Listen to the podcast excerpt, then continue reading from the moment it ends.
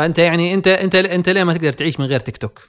أنت لو عندك اهتمام بسيط بأدنى شيء أنت ممكن ما تتخيله راح تحصل تيك توك قاعد يقترح لك هذا النوع من المقاطع أو من الفيديوهات اللي فيها هذا الاهتمام. بس ياخذ وقتك ما تحسه يعني ياكل وقت عليك. بلا شك وعشان كذا بصراحة شخصيا يعني أنا حاط حد لنفسي كل ما دخلت أحط لنفسي عدد من المقاطع خمسة هو حد عشان آه، بعده أطلع من تيك توك يعني مثلا أشوف خمس فيديوهات يعني كذا خم خمسة swipes يعني فوق خمسة. خمسة أو عشرة أو 15 بشكل أو بحد أقصى يعني وبعدين خلاص لازم أقفل التطبيق. طب قد شاركت واحدة من التحديات هذه كذا قاعد تغني قدام الكاميرا شيء؟ لا طبعا نهائيا. أعترف عادي. لا نهائيا. هذا بودكاست الفجر من ثمانية بودكاست فجر كل يوم. نسرد لكم سياق الأخبار اللي تهمكم معاكم أنا ثمود بن محفوظ. وأنا أسامة عصام الدين. حلقتنا اليوم عن مؤتمر آبل اللي أقيم أمس في 7 سبتمبر. كان المؤتمر حضره حوالي 2 مليون بني آدم. ومن بداية المؤتمر كان رئيس الشركة وضح أنه حيكون عن ثلاث أجهزة الساعة والسماعة والآيفون. Good morning. We're so glad you could join us.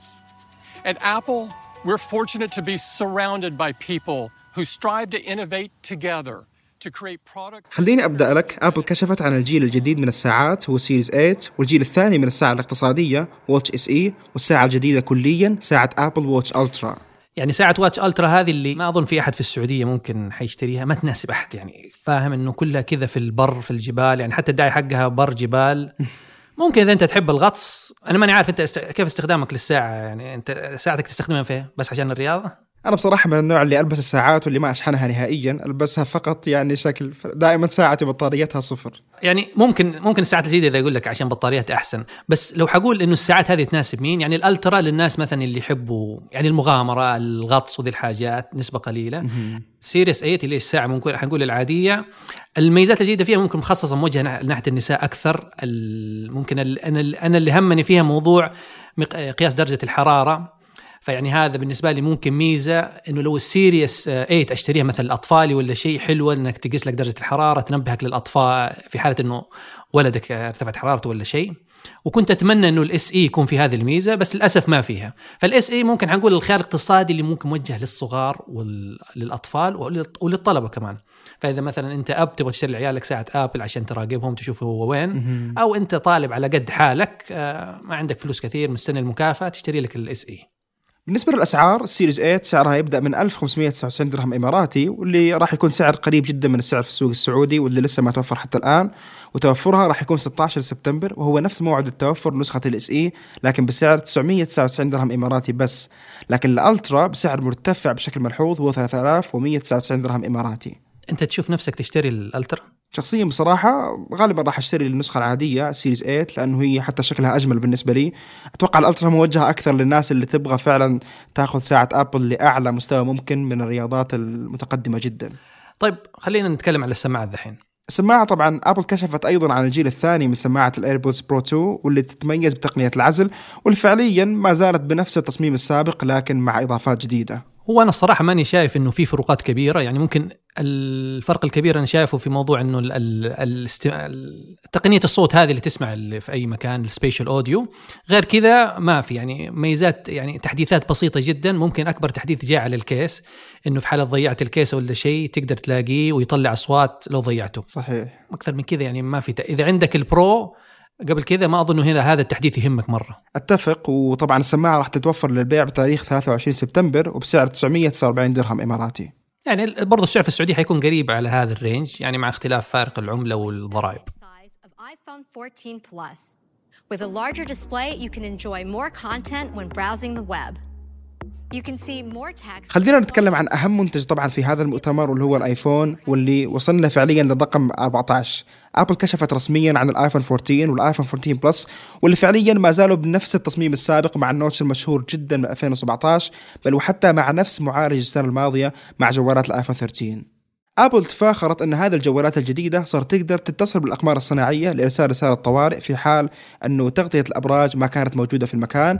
إلى جانب ميزة آبل تتمنى أنك ما تستخدمها في يوم من الأيام وهي إرسال تنبيه لجهات الطوارئ في حال حصل حادث سيارة لك لا قدر الله. وكتحسينات عامة أخرى تم تحسين الكاميرا الأساسية والكاميرا الأمامية وخاصية التصوير الليلي. الميزة هذه حق الحوادث يعني حلوة يعني حتى آبل لما شرحوها إنهم قاعدوا يدرسوا الأنماط حق الحوادث بالنسبة للسيارات المختلفة يعني الموديلات المختلفة سواء سيارة صغيرة كبيرة أظن باصات ولا شيء. وبنوا نموذج يقدر يكتشف إنه في حال لا سمح الله إذا حصل لك حادث على طول ينبهك أو يطلع رسالة هل حصل لك حادث. إذا أنت بخير تقدر تقول كنسل لا يرسل رسالة طوارئ. بس إذا أنت ما رديت أو ما استجبت لهذه الرسالة على الشاشة هو بنفسه يتصل على الطوارئ ويرسل رسالة بالموقع وإنه حصل لك حادث.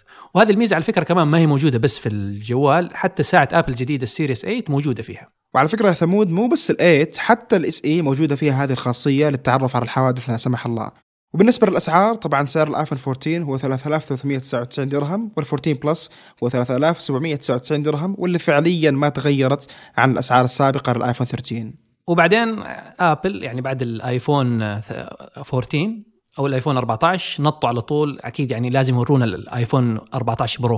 ما أدري 14 Pro يعني أحس 14 Pro أحلى كذا على اللسان بس يلا. هو فعليا صراحة حتى أحلى كشكل لأنه الآيفون 14 Pro هو أخيرا آبل غيرت فيه تصميم الواجهة الأمامية لأول مرة من 2017 مع جوالات الآيفون 14 Pro والآيفون 14 Pro Max مع تصميم جديد تغير تماما عن تصميم ال notch اللي شفناه لسنوات طويلة مع جوالات آيفون. هذا التصميم اللي آبل تفخر فيه وحتى أنها سمته Dynamic Island أو الجزيرة الديناميكية اللي فكرتها ببساطة أنها تتفاعل بشكل مذهل مع الإشعارات ومع الأشياء اللي تسويها في جوالك. بصراحة أنا شخصيا أشوف إنه آبل يعني قدمت طريقة مختلفة ما شفناها في أي شركة أخرى قدمت نفس الفكرة أو نفس التصميم للواجهة الأمامية للشاشة. لا أنا في هذه الصراحة أتفق معك. يعني هو الديناميك هذه كانت يعني بالنسبة لي ممكن أجدد شيء في الآيفون. واللي بصراحة أتوقع إنه راح ينقل التجربة خلينا نقول لمستوى ثاني أو مستوى ممتع شوي عن الفترة السابقة لأنه من 2017 كنا نشوف دائما نفس التصميم التقليدي ال notch الموجود في أعلى الشاشة لكن اليوم أو مع الآيفون 14 Pro أتوقع راح المستخدمين يستمتعوا لفترة مع التصميم الجديد ومع طريقة تفاعل النظام وحتى مع طريقة تفاعل بعض التطبيقات اللي تدعم خصائص مربوطة في هذه الجزيرة التفاعلية أو اللي ابل سمتها Dynamic Island وبالنسبة للأسعار فهي أيضا ما تغيرت عن النسخة السابقة أو عن السنة الماضية فالآيفونات الجديدة راح تتوفر بتاريخ 16 سبتمبر بنفس الأسعار السابقة واللي تبدأ من 4299 درهم إماراتي لل Pro و4699 درهم إماراتي لل Pro Max. وهو أظن على فكرة إنه التحديثات هذه حتكون كلها ضمن النسخة الجديدة من iOS اللي حتنزل في سبتمبر يعني في 12 سبتمبر يعني قبل قبل الصدور الرسمي حق الأجهزة هذه بأربع أيام تقريبا. صحيح. طيب يعني المساحات التخزينية أو يعني كم كم جيجا الجهاز يعني حيكون؟ يعني تغيرت يعني أقل شيء حيبدأ من من, من كم؟ راح يبدأ من 128 جيجا بايت وصولا إلى رقم كبير جدا هو 1 تيرا بايت هو بصراحة النسخة اللي أنا أستخدمها شخصيا في جوالي الحالي 13 Pro Max واللي فعليا يعني أكثر من سنة من التصوير اليومي للفيديوهات وحتى الآن ما تعب ما تعبت. فأتوقع يعني بالنسبة لي الخيار المناسب لمعظم الناس هي نسخة 256 جيجا بايت أنا في هذه صح أتفق معك. يعني 128 قليلة 256 هو على قولتهم النقطة المثلى للبدء. يعني 128 ما منه فائده إنك حتضطر في الأخير إنك لازم تشترك في ال iCloud عشان ال backup الله يعين. والآن خلونا نخش في الأخبار على السريع. خبرنا الأول عن هيئة الموسيقى السعودية واللي أطلقت أكاديمية افتراضية لتعليم الموسيقى وهذه حتكون أول أكاديمية افتراضية عالميا تهدف لتدريب الطلاب على الآلات الموسيقية عبر منهجيات تعليمية مختلفة. الهيئة تأسست في فبراير 2020 ومن وظائفها أنها تأسس البنية التحتية تنظيم القطاع ودعمه من تراخيص وغيره. ومن الآخر هي تبغى تنشر التعليم تبغى الإنتاج يزيد تبغى موضوع العروض الموسيقية يزيد والنشر والتوزيع عشان كذا يصير يعني مشهد موسيقي متكامل في السعودية. الخبر الثاني هو عن إيجارات المكاتب في دبي واللي جالسه ترتفع بشكل رهيب أسرع من لندن ونيويورك، الزحام طبعا سببه إقبال كبير من العديد من الشركات والبنوك لفتح مكاتب لها، وعشان تتخيل يا ثمود مع الزحمة على المكاتب في دبي واحدة من الأبراج في الحي المالي أو المركز المالي فتح في فترة كورونا مئة ألف متر مربع محجوز منه 90% وقام الانتظار طويلة جدا ليش الارتفاع يشد؟ لأنه هذه أول مرة من 2016 وأسعار العقار ترتفع في دبي خبرنا الثالث عن الرئيس الروسي والرئيس الصيني اللي حيتقابلون الأسبوع الجاي في اوزباكستان في زيارة يعني تشد الانتباه، ليه؟ لأنه زيارة الرئيس الصيني بتكون هذه أول زيارة خارجية له من سنتين ونصف، لأنه آخر زيارة كانت لهونغ كونغ. وثاني شيء عشان الاقتصاد الصيني يمر بتباطؤ النمو، والناتج القومي عنده منخفض حوالي 2.6%. وهذا أحد الأسباب المتوقع إنه ليش يبغى يقابل الرئيس الروسي؟ عشان يقوي العلاقات الاقتصادية وممكن يكون بينهم عقود تمتد بين ثلاثة إلى خمسة سنوات حسب الخبر اللي نقلته اي بي الخبر الرابع هو صدور الموافقة من خادم الحرمين الشريفين الملك سلمان على تحويل جامعة الملك سعود للهيئة الملكية لمدينة الرياض. يعني انتقلت ملكيتها من وزارة التعليم إلى الهيئة الملكية وهذا الخبر مهم جدا لأنه لو تذكر حديث ولي العهد مع مدافر عن الجامعة كان هدفه أنه يخليها من أفضل عشر جامعات في العالم. وأيضا في 2020 صدر قرار استقلال ثلاث جامعات من ضمنها جامعة الملك سعود.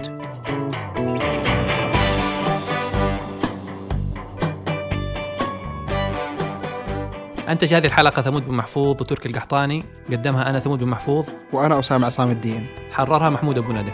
نشوفكم الأحد الفجر.